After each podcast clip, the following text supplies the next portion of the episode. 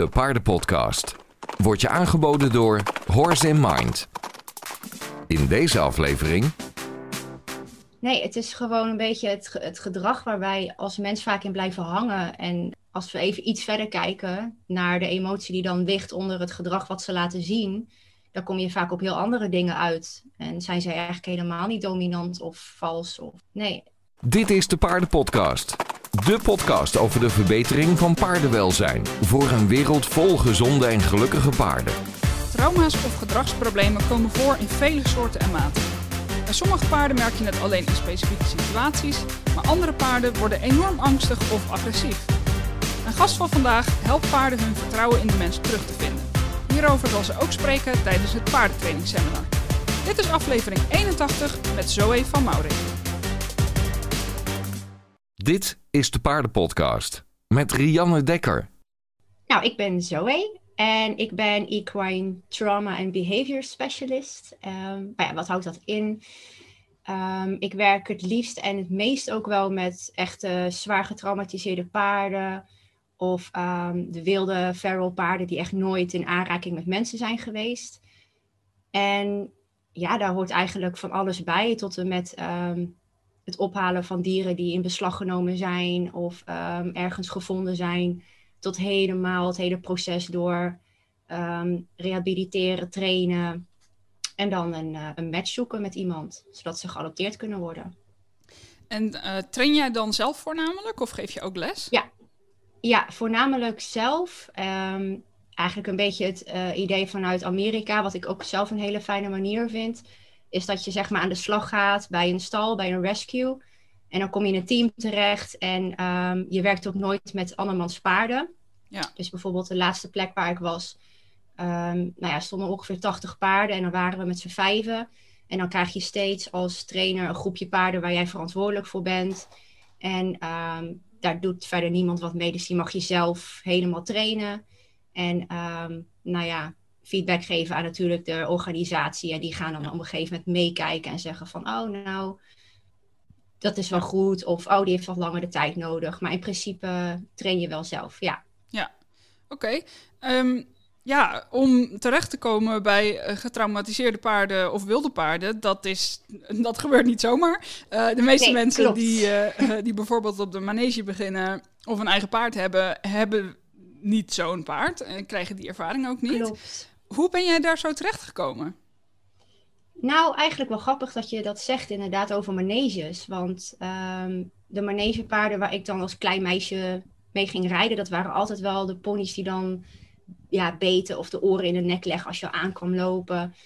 En ik vond dat altijd wel interessant. En dan dacht ik van, ja, waarom doen ze dat dan?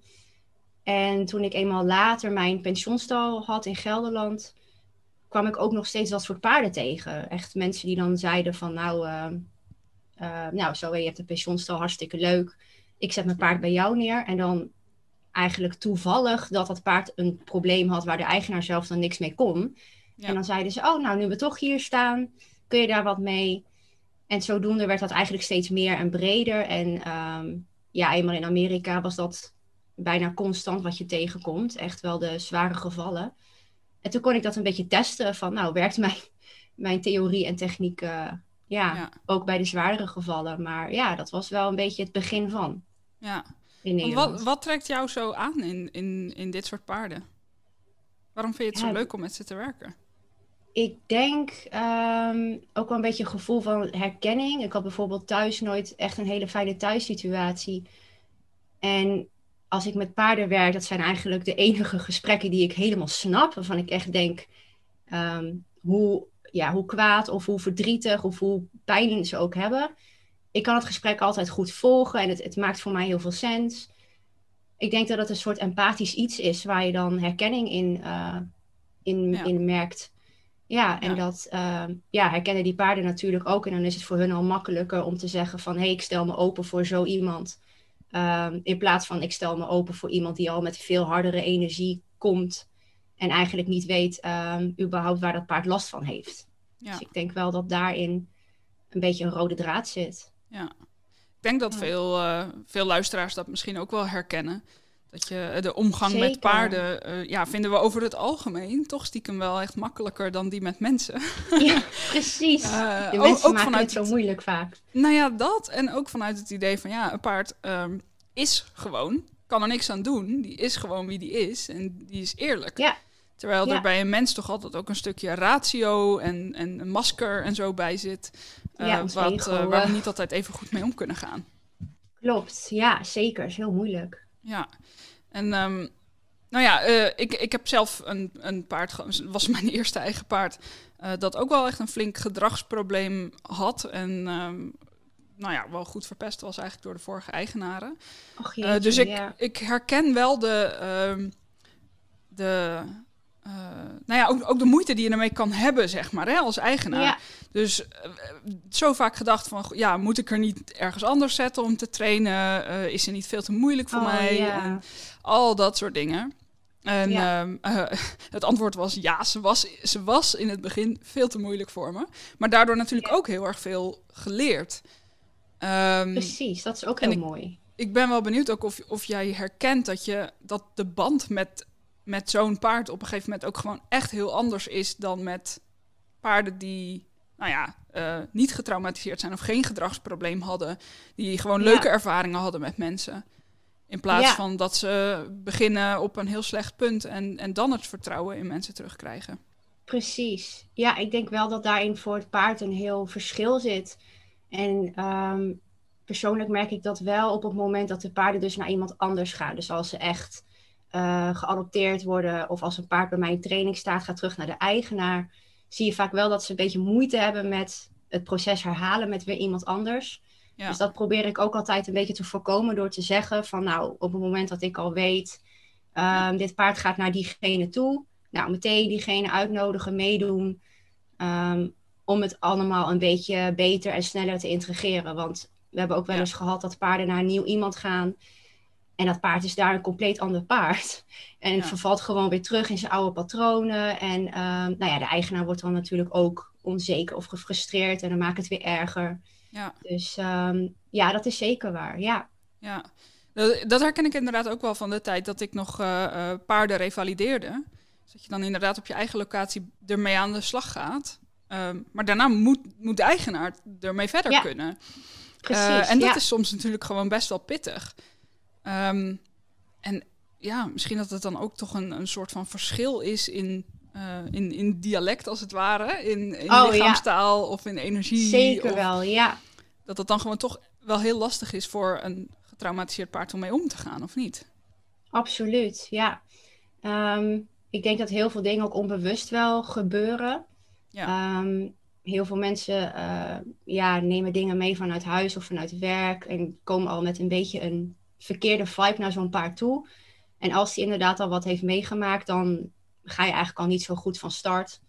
Dus daarin zit vaak al wel een beetje ehm, het zaadje wat je kunt planten. Van goh, begin daar eens mee. Ja. Ehm, en vaak, ehm, of de meeste mensen die zo'n paard adopteren, staan er ook wel voor open om bij te leren. En na verloop van tijd merken ze ook zelf dat ze inderdaad bij dit paard een heel andere impact hebben. En ook bij andere paarden, dat ze ook zeiden van, oh ja, het ligt gewoon aan ja, hoe ik overkom en wat dat paard van mij denkt op zo'n moment. En ehm, ja, dat is dan weer ons ego wat de hoek om komt zetten. Ja, En die denkt, ik ga even alles overnemen. ik regel het wel even. Ja. Ja, precies dat. Ja, ja. Ik moet zeggen dat ik dat ook dacht toen ik 17 was en mijn Mary toen net kreeg. Ik dacht, nou, Ja, dat, hè? is, eh, dat is een kwestie van eh, als de knop eenmaal om is, dan. Ja Ehm, precies. Nou ja, die knop was er niet. Nee, ja, als de knop inderdaad er niet is, ja, dan wat dan? Ja, Ja, nou ja, en, en ik denk dat men zich misschien ook wel vaak vergist in, in hoe diep zoiets geworteld zit. ja zeker wel. Ja. En het Ja. kan natuurlijk ook voor het ene paard, ehm, ja, twee paarden die hetzelfde meemaken, kunnen het heel anders weer opvatten en verwerken. En dat is ook weer een stukje, ja, vermenselijk of ego natuurlijk weer, dat we zeggen van, ach, dat Ja, zal wel niet zo eh, indruk gemaakt hebben of het zal wel meevallen. Maar ja, je weet natuurlijk niet eh, wat voor redenen zo'n paard heeft überhaupt om daar nee, op te reageren of iets aan over te houden. En wat zijn nou ehm, eigenlijk de meest voorkomende trauma's of gedragsproblemen die jij gezien hebt? Uh, wat het meeste wel voorkomt zijn of de paarden die helemaal mentaal echt afgesloten zijn. Waarvan mensen dan denken, oh dat paard is hartstikke braaf en heel rustig. Maar die zijn eigenlijk nou ja, een beetje van die wandelende zombies. Of ze gaan helemaal de andere kant op dat ze ontzettend boos worden. Of uh, nou ja, dat mensen zeggen, hè, dit paard is dan gevaarlijk en uh, vals, dominant, ja. vals. Um, en het grappige daarvan is eigenlijk dat dat niet altijd komt door een trauma. Het kan ook wel komen door eigenaars die echt signalen missen of zelf gemixte signalen geven. En dan is het, ja, hij doet het niet meer. Of, um, nou ja, het paard is bezeten door de duivel, hoor je dan wel eens. En dan blijkt het gewoon miscommunicatie. Ja. Um, ik denk dat die twee wel het meest voorkomen. Maar ook wel, uh, nou ja, echte paarden die zo lang verwaarloosd zijn geweest, dat ze ook wel moeite hebben überhaupt met zich weer openstellen voor mensen. En dat merk je ook aan, ja, uh, de toenadering alleen. Al zulke paarden blijven al niet staan als je naar, naar ze toe loopt. Ja. Um, wil je ze eten geven, blijven ze altijd in een hoekje of heel ver weg naar je kijken van oeh, wat komt ze doen? Um, dus die paarden zijn al mentaal juist niet afgesloten, maar voelen zich zo klein dat ze ook weer niet weten van wat nu. En die paarden kunnen dan ook nog wel eens um, ja, overspronggedrag of in het ergste geval dat ze echt bijna flauw vallen van angst of zo. Ja. Dus um, ja, er zijn wel gradaties in, maar die drie komen het meest uh, voor. Ja. ja. En uh, kun je een voorbeeld geven van een van de ergere gevallen die je gezien hebt? Ja, dat zijn er wel een, uh, ja, dat zijn er wel een hoop eigenlijk. Um, nou ja, bijvoorbeeld het geval van uh, dat mensen zeggen dit paard is dan gevaarlijk en uh, dominant en vals. Dat was een geval van uh, een heel groot paard en die was ook wat ouder. En die had op een gegeven moment door van, hé, hey, ik ben heel groot. En als ik me wat groter maak, gaan mensen aan de kant. En kan ik nou ja, zelf wat meer dingen verzinnen en met dingen ja. wegkomen. Dus die eigenaar die was bang voor hem geworden. En die zei, nou, ik breng hem naar de opvang. Want ik heb er eigenlijk niet zoveel zin meer in. En uh, straks breek ik mijn nek. En vervolgens bleek het paard verder helemaal oké te zijn. Maar die had gewoon even net te goed door van... oh, bij deze persoon kan ik uh, lekker ervan doorgaan. Uh, bij sommige mensen beet hij ook echt gericht in je nek of in je hals. Maar dat was puur, ja, wat een beetje de eigenaar had gevoed in hem. Of een beetje had getriggerd. En zeker mensen die dachten, oh, dit paard, hè, ik ga wel even met hem aan de slag. Nou ja, daar werd hij nog harder van. Ja. Um, en toen waren er een paar uh, dingen gebeurd op de rescue. Dus inderdaad mensen die gebeten werden. of aangevallen. Of je wil het paard uit de wei halen en hij sleurt je zo mee. Nou ja, toen was het van Zoe help, want uh, dit paard is heel gevaarlijk. En uh, nou, kan allemaal niet meer, kan niet naar buiten dit paard. En dat bleek gewoon een hartstikke lief paard, heel gevoelig. Maar ja, hij gewoon verkeerd begrepen. En um, die kon daarna ook gewoon echt door kinderen en oude mensjes, oude vrouwtjes zo aan een touwtje naar de wei gebracht worden. Um, maar dat was puur even die omschakeling van hè, dit, dit moet even op een andere manier. Ja. En dat is eigenlijk waar het heel vaak fout gaat. En in dit geval was het dan een paard die heel dominant wordt. Maar je kan natuurlijk ook weer een paard hebben die daar helemaal van dicht slaat. Zoals het paard van mijn man. Um, en ik dacht, oh, dat, dat gaat wel goed. Want ik kende dat paard ook nog niet zo lang. En vervolgens geeft dat paard echt een rodeo. En die gaat helemaal uit zijn dak. En dat paard bleek ook gewoon helemaal overweldigd te zijn. En helemaal flooded. En ook dat hadden die eigenaars op dat moment niet door. Dus die zeiden, och, dat, dat kan wel. Um, maar ja, de uiting is een beetje weer afhankelijk van het paard zelf. Um, maar dat soort dingen kom je wel heel vaak uh, tegen. Typische dingen. En hoe werk je dan weer, weer terug naar zachtheid? Ja, eigenlijk um, zelf ook heel zacht zijn. Bij veel trainers zie ik wel, uh, ja, zeker paarden die echt heel explosief reageren, wat groter reageren. Dat zij zelf ook wat groter zijn in hun lichaamstaal of dat ze juist heel hard zijn. Um, ik ben daarin een beetje tegenovergestelde, denk ik. Ik heb juist zoiets van: oké, dit paard is waarschijnlijk nu zich heel groot aan het maken doordat voorgaande mensen dingen hebben gemist. Dus het paard denkt, nou ja, als ik mezelf nu groot maak, dan zie je dat schijnbaar wel. Ja.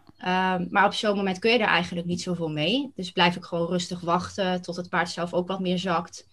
En vanuit daaruit kan ik zeggen van, nou wat goed dat je dat kan. hartstikke fijn. Ehm, nou, gaan we daar eerst even dat een beetje laten landen. Dat het paard ook weet, hé, hey, ik kan ontspannen. Er gebeurt ook verder niks als ik dat doe. Ja. Ik word niet gestraft voor wat dan ook. En als je eigenlijk na een tijdje zo'n nieuwe baseline hebt, dan kun je zeggen, oké, hierop gaan we verder breien. En we werken aan, uh, nou ja, wat je dan ook maar tegenkomt. Ja. Dus als je, uh, stel dat je dus een, een, een, een, paard komt bij jou met een, uh, met een flink trauma of een, of een gedragsprobleem. Uh, ja, kun je ons een beetje meenemen in, in hoe je dat aanpakt? Hoe begin je met zo'n paard? Hoe is zo'n eerste sessie? En, en hoe bepaal je wat je allemaal gaat doen? Ja, zeker. Um, het is wel leuk, want het is eigenlijk een van de weinige dingen die ik doe en zeg van ik ga gewoon go with the flow. Ik kan wel het voorbeeld van Walter, van mijn eigen paard pakken. Die leerde ik kennen in januari 2020. Toen ging ik net op de rescue daar werken, was een nieuwe plek. En nou ja, de reden dat ik daar eigenlijk kwam was omdat zij, de eigenaresse, wist dat ik in vrijheid werkte met paarden. En Walter was een paard die al bijna twee jaar in zijn eentje stond in een speciale roundpen, omdat hij echt doodsbang voor mensen was. Oh, goed. En er waren al wel mensen geweest om het te proberen met hem, maar hij liet zich niet vangen. En um, nou ja, toen zei ik ook, toen ik begon met hem heel eerlijk, van um, als het niet lukt, lukt het niet. Als hij echt zoiets heeft van ik wil dit niet meer, dan ga ik ook niet zeggen ik ga met lasso's en vangstokken gekke dingen uithalen. Dan is het gewoon duidelijk, dan is het nee. Um, dus dat geef ik wel altijd meteen even eerlijk mee uh, aan, de, aan de eigenaar. Dus in dit geval de eigenaar van de opvang waar hij stond. En die zei van, nou, ik ben al blij dat je het wil proberen, dus zie maar hoe ver je komt. Helemaal goed. Ja. Um, en ook een ander dingetje waar zij rekening mee houden, wat volgens mij in Nederland nog niet heel bekend is, maar dat is decompressen.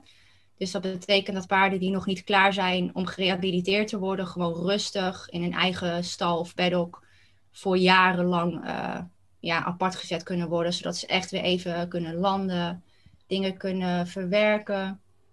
En daarna gaan we kijken, goh, zijn jullie nu misschien klaar voor rehabilitatie? Dus bij Walter was dat na anderhalf jaar. Toen kwam ik in beeld en um, toen was het eigenlijk week één alleen maar kijken, goh, kan ik in de roundpen staan dat je stopt met uh, om me heen rennen of proberen uit te breken? Nou, toen dat eenmaal bevestigd was, ging ik verder naar kijken van, goh, kan ik je ook uh, aanwijzingen geven? Dus kan ik bij jou in de roundpen staan? Blijf je kalm? Nou, prima. Kan ik ook, terwijl we deze kalme energie vasthouden, jou linksom of rechtsom sturen? En na verloop van tijd heeft dat paard dan door van, oh, maar je bent hier voor een gesprek en je bent hier niet om mij je wil op te leggen of uh, druk op te voeren. En dan merk je vaak al wel in de tweede of derde week dat dat paard open staat voor communiceren. Dan gaat dat al wat beter. En vaak in de tweede maand kun je echt wel fysiek contact maken en zeggen van, goh, ik ga een keer halsteren. En uh, beginnen met leiden. En op zo'n moment wordt zo'n paard ook wel geïntegreerd in een nieuwe groep, want dan zijn ze ook wat meer paard. Dus kunnen ze of in een kudde met een uh, andere groep paarden. Of ze gaan in een paddock alleen, maar wel naast andere paarden. En eigenlijk is het op zo'n moment heel erg kijken elke dag van, goh, hoe gaat het nu? Um, het kan ook heel goed, het komt eigenlijk altijd wel voor, dat paarden na, nou ja, tussen de drie of vijf maanden ineens een terugval krijgen. Dus dat je zegt, nou, ik kan mijn paard nu vangen, halsteren, borstelen, voeten optillen. En ik kom na een week terug en ik kan niks meer. Nou, ook dat heb ik eigenlijk bij elk paard wel. En dat is heel normaal. Dat is gewoon echt even hun cycletje waar ze in zitten. En al het nieuwe wat wij aan het doen zijn, dat is nog niet. Dat hebben zij nog niet geadopteerd als hun nieuwe strategie. Ja. Dus logischerwijs vervallen ze in oude patronen. En uh, als jij daarin ze blijft begeleiden en ook zegt bij triggers van nou, ik blijf heel kalm zelf. Ik ga je niet straffen of proberen je fysiek te containen door aan zo'n paard te gaan lopen hangen of dat soort dingen. Dus het meeste of het belangrijkste eigenlijk in zo'n beginnend stadium is kijken hoe je zelf op dingen reageert. En wanneer je zegt, oké, hier gaat emotioneel en fysiek de druk omhoog en hier gaat hij er vanaf.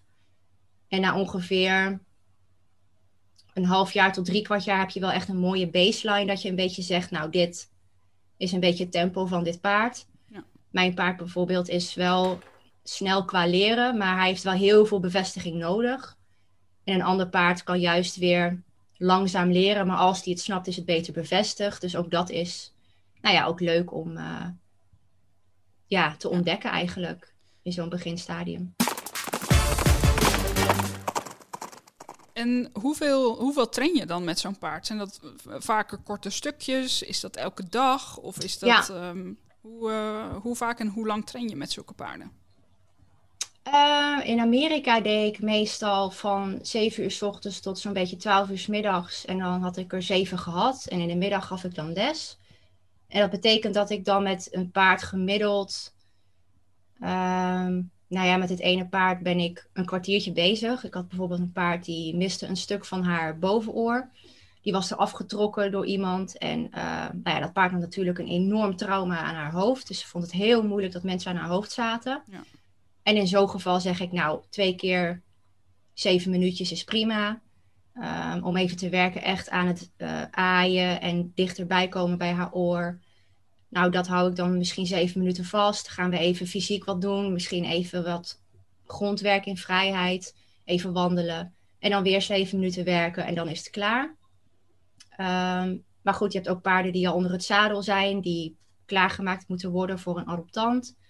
En dan ben ik meestal wel uh, ehm, 40 tot 60 minuten bezig. Niet alleen met rijden, maar ook kijken van oké, um, nou wat gebeurt er als ik dit paard vastzet en ik loop even weg. Gewoon even heel simpel kijken, kan dit paard vaststaan? Is er eentje met andere paarden? Ehm, nou, hoe is dit paard als het heel hard waait? Hoe is dit paard als het bijvoorbeeld wat begint te regenen? Dan ga ik in de regen trainen. Dus we zijn wel altijd heel bewust bezig naar kijken van oké, hoe kunnen we zo verschillende mogelijke elementen toevoegen aan de bestaande training.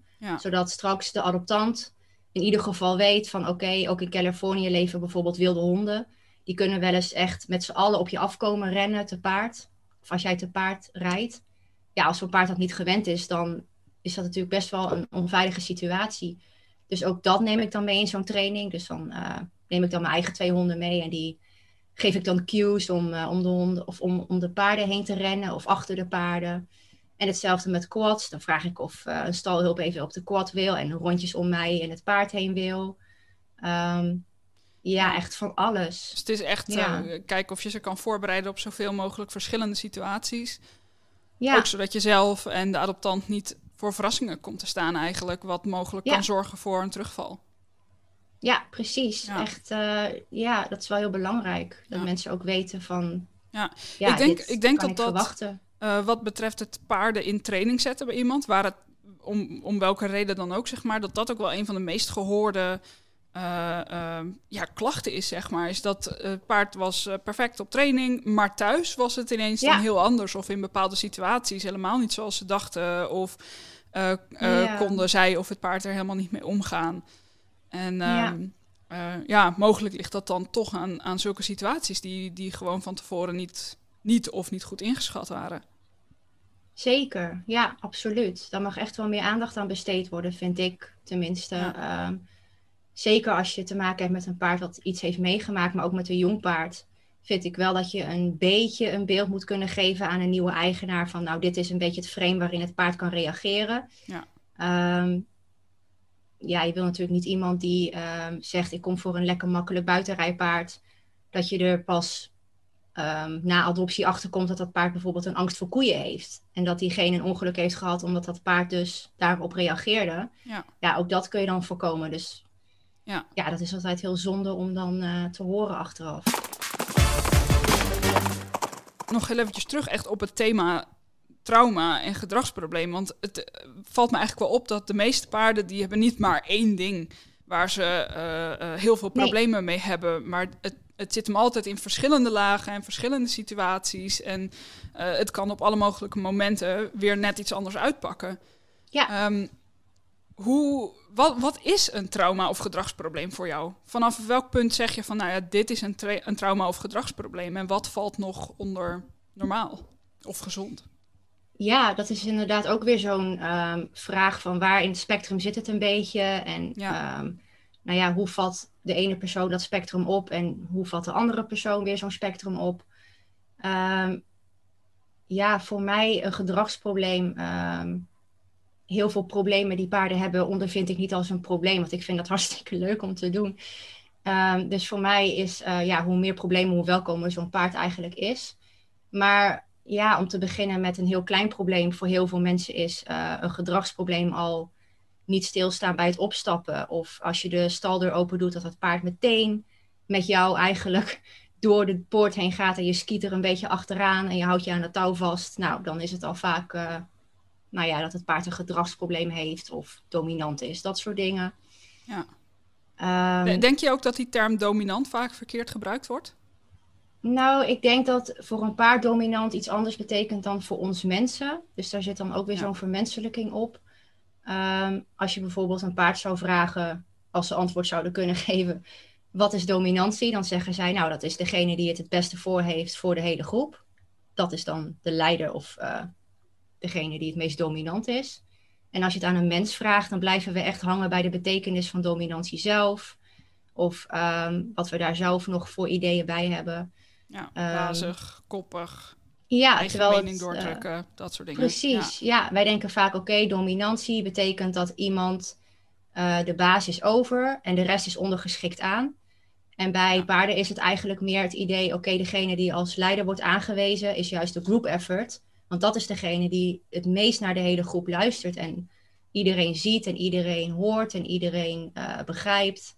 Ja. ja. diegene krijgt de meeste macht over de groep, want ja, diegene kan als enige waarschijnlijk uh, ja. alle gaten opvullen, alle dingetjes zien. Dus daar zit ook een. Uh, ja, en als wij paarden als dominant bestempelen, dan, dan denken we inderdaad aan, aan paarden die hun, hun zin willen doordrukken, uh, koppig zijn, ja. lomp zijn, al dat soort dingen. Oh, Terwijl ja. voor paarden is het eigenlijk toch vaak gewoon een, ja maar ik, ik doe omdat het me iets oplevert. Ja, het levert precies. me meer op dan wanneer ik het niet zou doen. Ja, ja Ehm, inderdaad. Ik, ik denk ook eigenlijk helemaal niet dat paarden heel bewust denken van ja, en, en nou ga ik eventjes lomp tegen je doen, want Nee. ik ben dominant.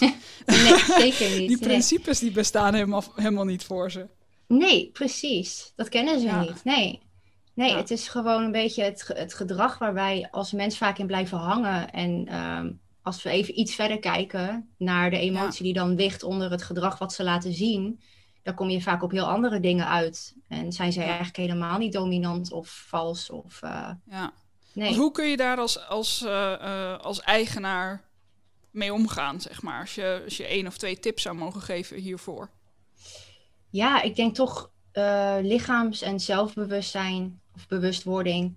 En gewoon kijken naar wat dient zich op welk moment aan bij het paard. En wat deed ik op dat moment? Of wat deden de andere paarden op dat moment? Of ehm, wat was er anders die dag? Ehm, nou ja, dat zijn een beetje wel van die standaard checklists die je kunt afgaan. Van oké, als er iets gebeurt vandaag, ja, wat gebeurde er nog meer eromheen?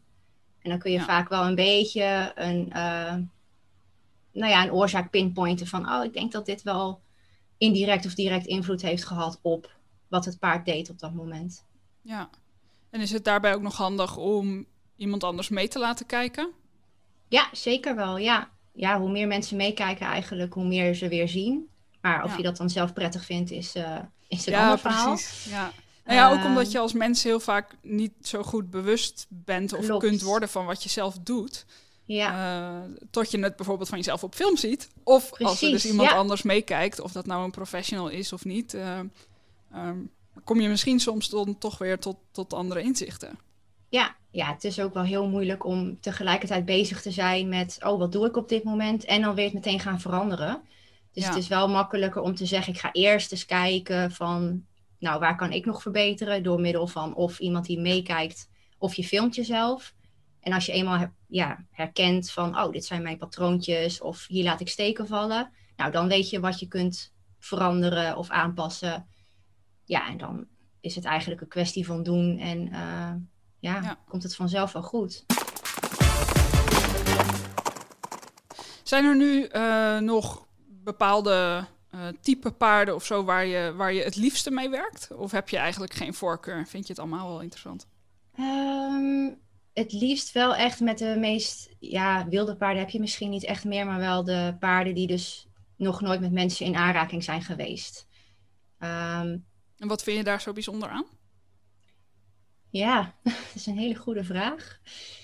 Ehm, ja, ik denk dat dat een- het is gewoon echt communiceren en zijn in de meest pure vorm. Dus um, ja, zo'n sessie begint met een paard die uh, in de ramp en alleen maar denkt aan hoe kan ik hier wegkomen en ik wil dit niet en bang.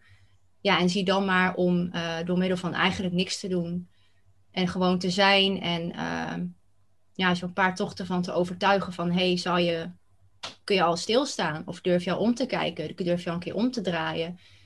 En ja, dat vind ik wel echt hele mooie momentjes om, uh, ja, om mee te werken. En om dat iedere keer te zien en daarop verder te kunnen breien.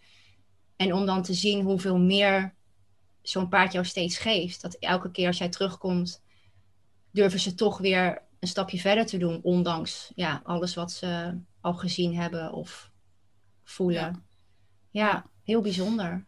En dit type paarden ja, zien wij in Nederland natuurlijk vrij weinig. Uh, ja, want bijna, bijna, alles, uh, bijna alles komt al vanaf dag één eigenlijk in mensenhanden. Ja. Um, maar in Amerika zie je dat natuurlijk een stuk meer. Ook omdat er Klopt, ja. uh, nog steeds nou ja, complete kuddes opgeruimd worden, als het ware. Ja, helaas um, wel. Ik kan me zo voorstellen dat het dan ook... Um, dat het ze ook wel echt helpt in hun, hun toekomst. Ja om toch inderdaad een fijn mens te vinden, om überhaupt toekomst te hebben in, in leven. Want uh, veel ja, andere absoluut. opties hebben ze eigenlijk niet, hè? Nee, nee, het is uh, op het moment ook wel een echte rotzooi bij de Bureau of Land Management. Dus dat is de organisatie die alles rondom de Mustangs regelt en waar het land van is waar zij dus op leven. Um, je zou, of het plan was om zo'n Mustang die uit het wild wordt gehaald, die kun je adopteren. Krijg je ook een uh, fee voor. Ik geloof een paar honderd dollar wat het toen was. maar tegenwoordig komen mensen alleen maar het geld ophalen en leveren het paard in bij de, nou ja, het slagtransport, zeg maar. Ja. En dat is het. Dus dat plan wat ze hadden om die paarden inderdaad goed op te leiden en een beter leven te gunnen, dat wordt wel steeds moeilijker. Maar gelukkig heb je nog ook de ranches in Amerika waar ze nog niet werken met trekkers of uh, mechanisatie. Het is allemaal echt nog met uh, paarden en met de hand. Ja, die hebben altijd wel vraag naar echt goed opgeleide ranchpaarden.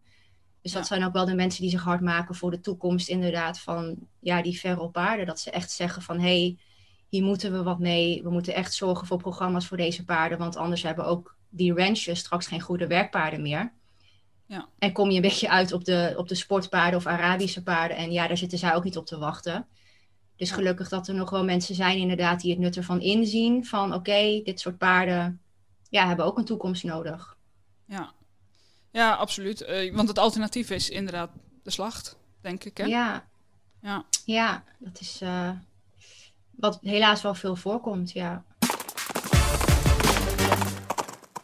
Voordat we naar de uh, twee laatste vragen gaan. Uh, je bent natuurlijk spreker op het paardentraining seminar. Daar ben ik super blij mee, want ik denk dat het een heel mooi topic is om, uh, om ook in het seminar te behandelen. Um, ik zal de link daarvan in de beschrijving zetten van de podcast. Maar ja, misschien dat jij kort even zou willen toelichten wat jij de deelnemers gaat, gaat vertellen in die presentatie. Ja, natuurlijk.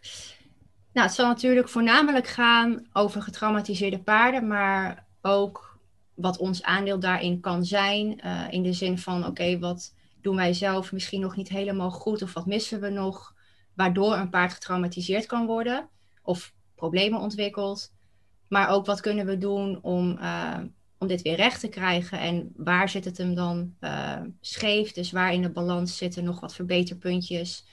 Waar in het spectrum zit dit ene paard? Dus is dit paard wat meer onzeker of is het paard juist wat sneller boos? Of um, nou ja, en hoe reageren ze daarin?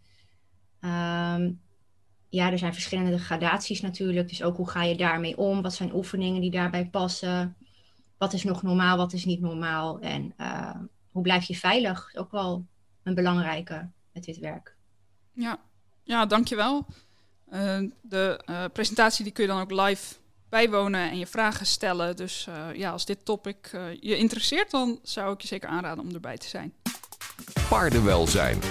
Dan gaan we uh, nog even naar de laatste twee vragen. Een aantal vragen uh, zijn er eigenlijk altijd die ik de gasten uh, aan het eind stel. Um, Voor jou heb ik er twee in petto. Namelijk, ehm, Leuk. wat had je graag tien jaar eerder willen weten? Ehm, dat het echt geen malle moe uitmaakt wat mensen vinden van wat je doet. Dus of je nou, ehm, nou ja, met, met, met western dingetjes en met glitters en roze met je paard bezig bent. Of je houdt gewoon van lekker basic en je bent heel wat anders aan het doen. Maakt niks uit. Je hoeft tegenover niemand te verantwoorden of uit te leggen. Dus uh, doe wat je leuk vindt. Ja. Dat is inderdaad wel een toffe, want op veel stallen en ook op Facebook natuurlijk zit er uh, nog vrij veel uh, oordeel. Ja, zo jammer. Ja. Ja. ja. ja, dat is gewoon echt heel zonde. Ja. En als je nou vijf of tien jaar in de toekomst kijkt, hoe hoop je dat de paardenwereld er dan uitziet? Oeh, ja, die is wel, die is wel moeilijk. Um, ik hoop dat er wat meer ja, bewustzijn is. Ook in, um, ik denk dat, dat, dat ja, de paardenwereld is een van de manieren, denk ik, in hoe wij als mens doorcijpelen, in hoe we echt zijn. En als we juist ja, in onze eigen persoonlijke wereld ook wat meer bewust bezig zijn met de dagelijkse gang van zaken, dan denk ik dat het in de paardenwereld ook wel verandering meebrengt. Juist doordat we, nou ja, misschien andere inzichten krijgen, wat meer aha-momentjes. Bewust zijn over de manier van omgang met elkaar, ja. of uh, ja, duurzaamheid, zeker. of spiritualiteit, ja. of eigenlijk alles. Eigenlijk alles het totaalpakket. Ja, het totaalpakket. Ja. want de meeste mensen die ik um, tegenkom, of die andere mensen kennen waarvan ze zeggen, oeh, nou, daar schort het nog wel een beetje aan. Die is niet, nog, ja, is niet heel uh, paardvriendelijk bezig. 9 van de 10 keer zijn zulke mensen ook privé, zitten ze gewoon niet lekker in elkaar. Dus ik denk dat als iedereen eens, ja, ja in, de, gewoon in de thuissituatie al even wat uh, veranderingen aanbrengt, dat dat al. Uh, ja, dus ook eigenlijk meer, meer bewustzijn in ja. gewoon de parallel tussen je, ja, je privéleven en het paardenleven. Ja, precies. Ja, ja, dan dat komt het vanzelf wel. Uh, ja, precies. Ja. ik hoop het. Dat zou ik heel mooi vinden. Tof. Um, ja, hartstikke bedankt voor Jij uh, dat, wel, dat je te uh, gast wilde zijn in deze podcast. Ja, natuurlijk. Heel leuk om dat een keer gedaan te hebben. Weer En als men uh, meer informatie wil over, uh, over jou en wat je doet, nou, natuurlijk kunnen ze er dan bij zijn op het paardentrainingsseminar. Um, maar waar kunnen ze nog meer informatie over jou vinden? Uh, op mijn website staat sowieso wel genoeg over mijn werk. Uh, zoevanmaurik.com. Volgend jaar komt er ook een nieuwe website. En daar zit dan een online leeromgeving bij. Met uh, nou ja, een videobibliotheek. En die gaat draaien totdat mijn academy online gaat. Hopelijk volgend jaar. Dankjewel en tot tijdens het seminar.